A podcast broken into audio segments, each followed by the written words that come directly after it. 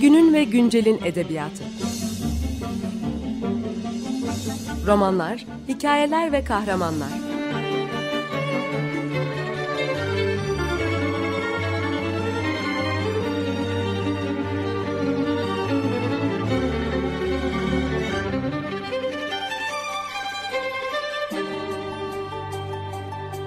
Hazırlayan ve sunan Seval Şahin.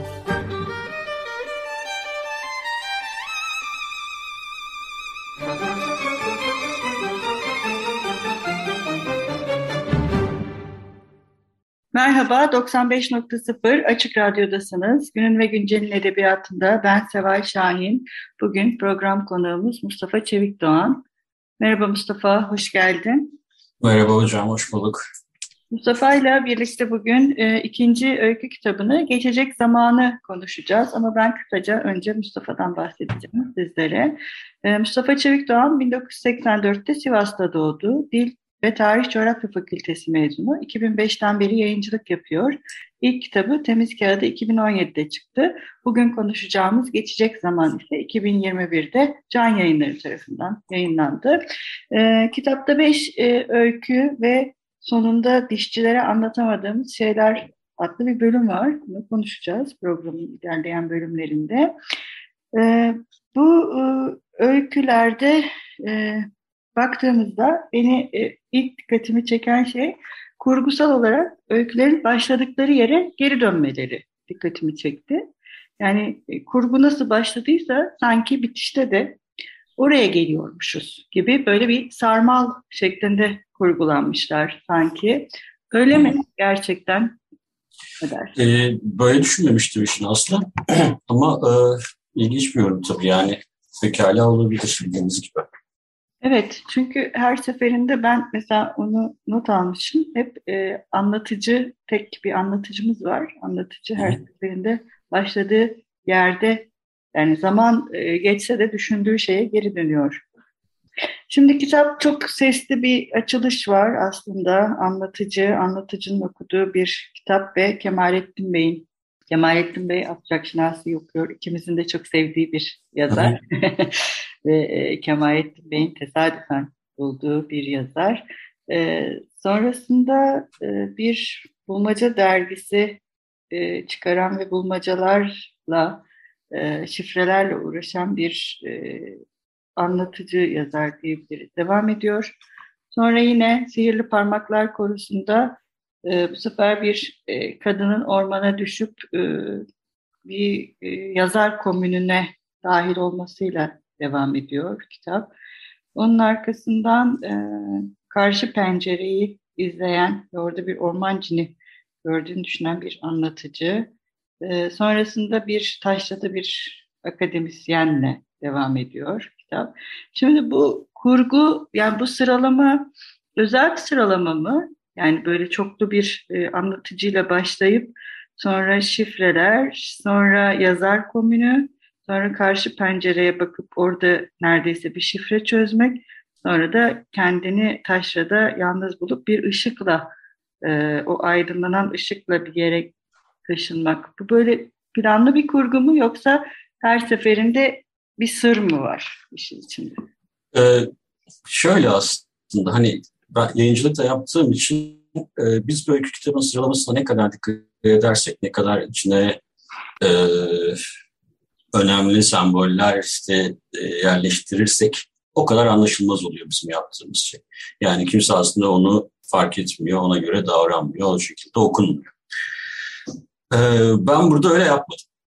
Ee, daha çok e, hangisini daha çok seviyorum? Ee, okur işte kısa metinde başlamaktan daha çok hoşlanır gibi e, başladım. Ee, baştaki öykü mesela benim en sevdiğim öykülerden bir tanesi bu kitaptaki de bu kitaptaki yansıtıklardan bir tanesi sizin zamanınızda. E, bir de bu kitapta yazdığım da ilk öykü aslında. O, o yüzden onu başa koymayı tercih ettim. Ama şöyle bir şey oldu sonra. Daha sonraki konuşmalardan bir tanesinde işte biliyorsunuz ilk öyküde e, idealist öğretmen Kemalettin Bey'in Anadolu'ya gitmesi hikayesi var. E, ve işte yazarlık mı, öğretmenlik mi vesaire bunları tartışıyor. E, en son öyküde de daha günümüzde geçen işte Kemalettin Bey 60-1960'larda yaşıyordu.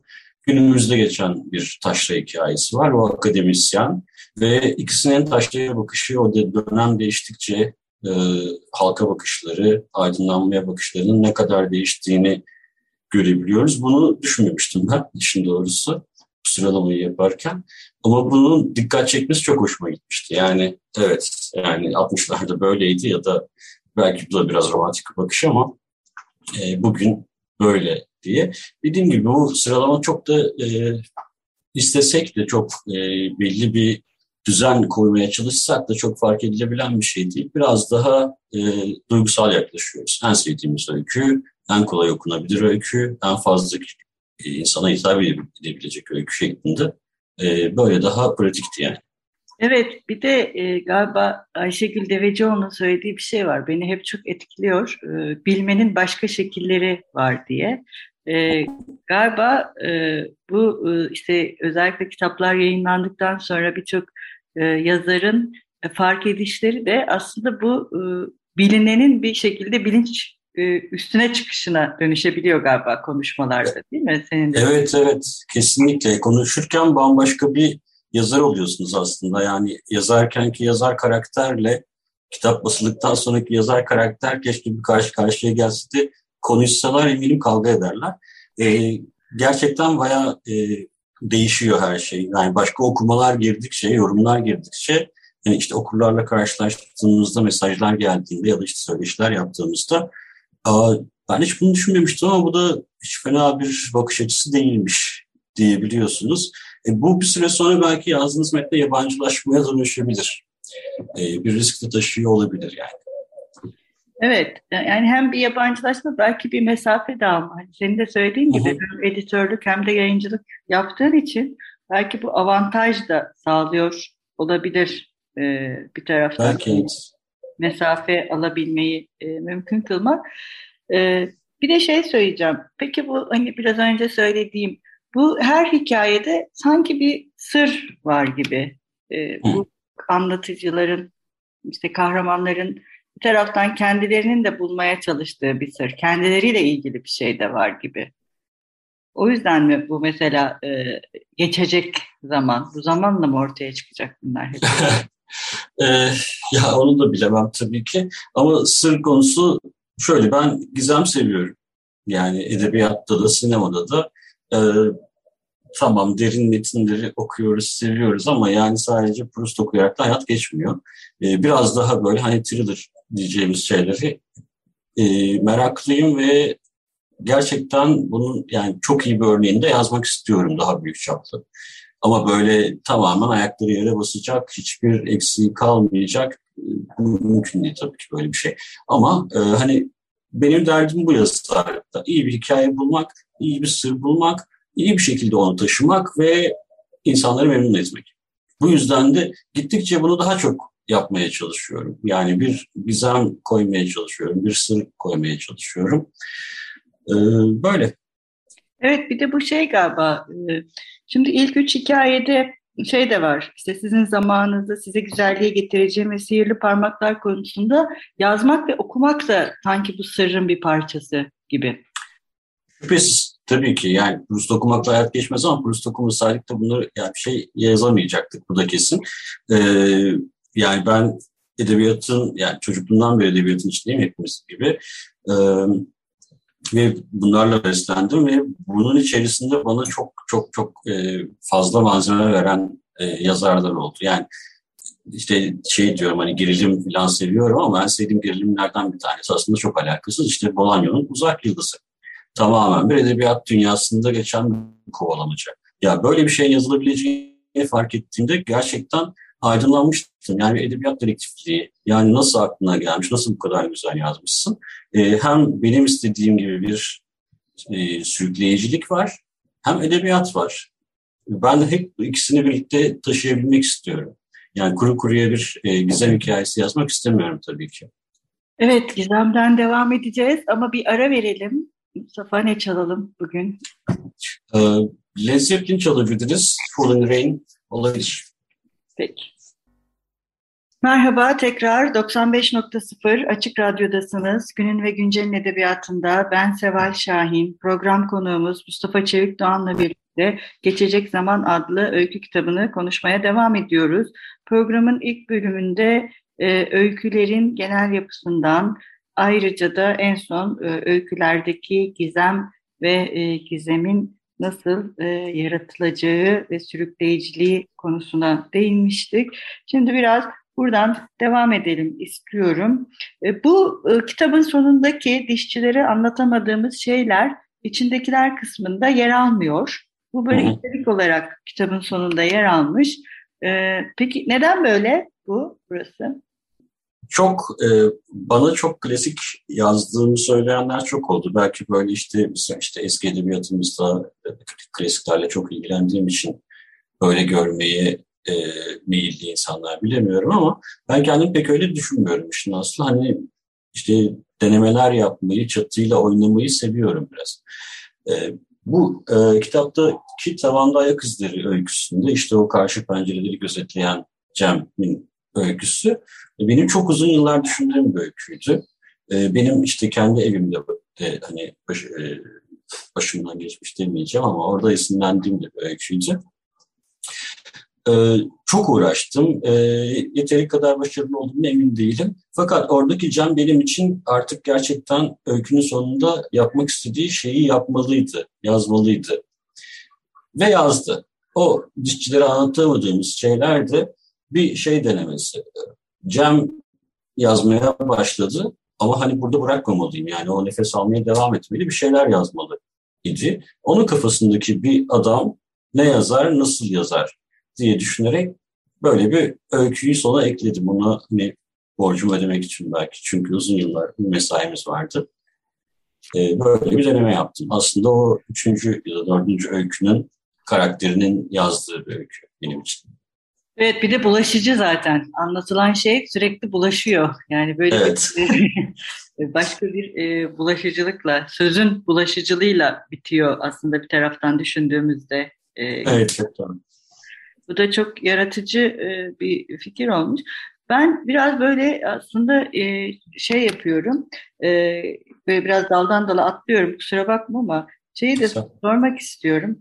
E, şimdi bu e, tam da değindiğin karşı pencere hikayesinde bir orman cini ve bu orman cini üzerine aslında baştaki gibi e, kimin neyi gördüğü ve evet. bilenin aslında nasıl bir anlatıya dönüştürdüğü, dönüştürüldüğü meselesi de var.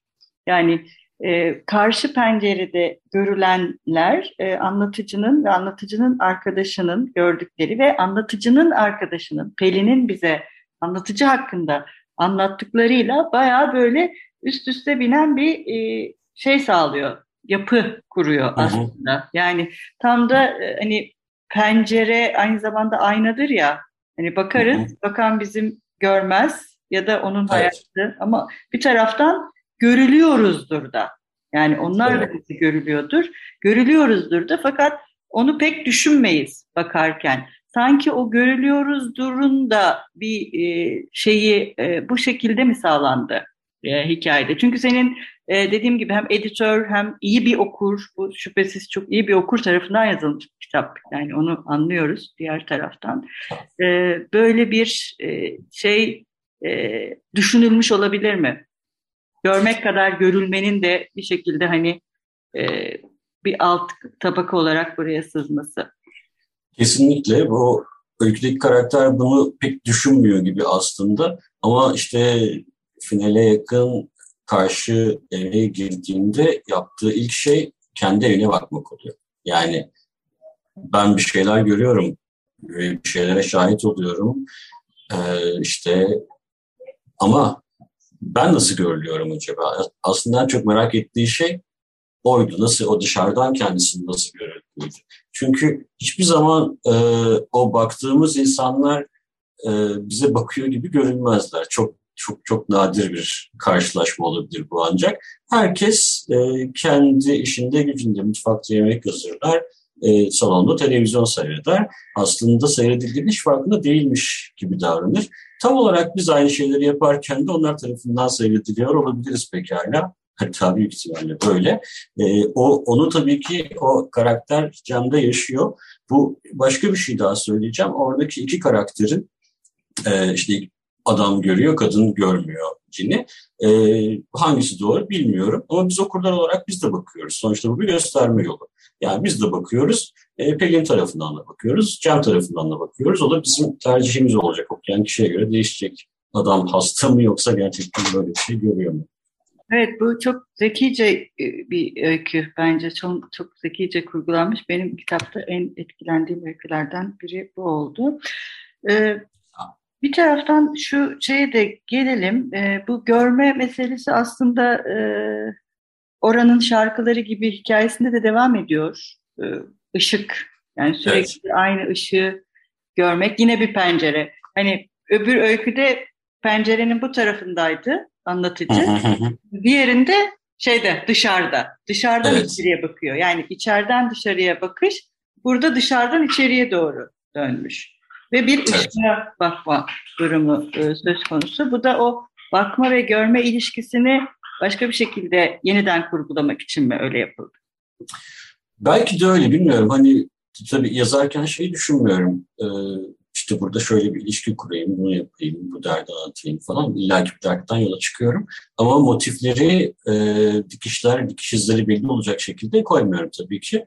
E, ama e, yekünü ortaya koyduğumuzda evet dediğiniz gibi şeyler çıkıyor tabii ki ama bu çok sonra e, fark edilen şeyler oluyor. Kitap çıktıktan sonra, öykü basıldıktan sonra. Evet mesela e, şimdi oradaki taşradaki akademisyenin o gördüğü ışık da bir anlamda onun kendi hayatının metaforu.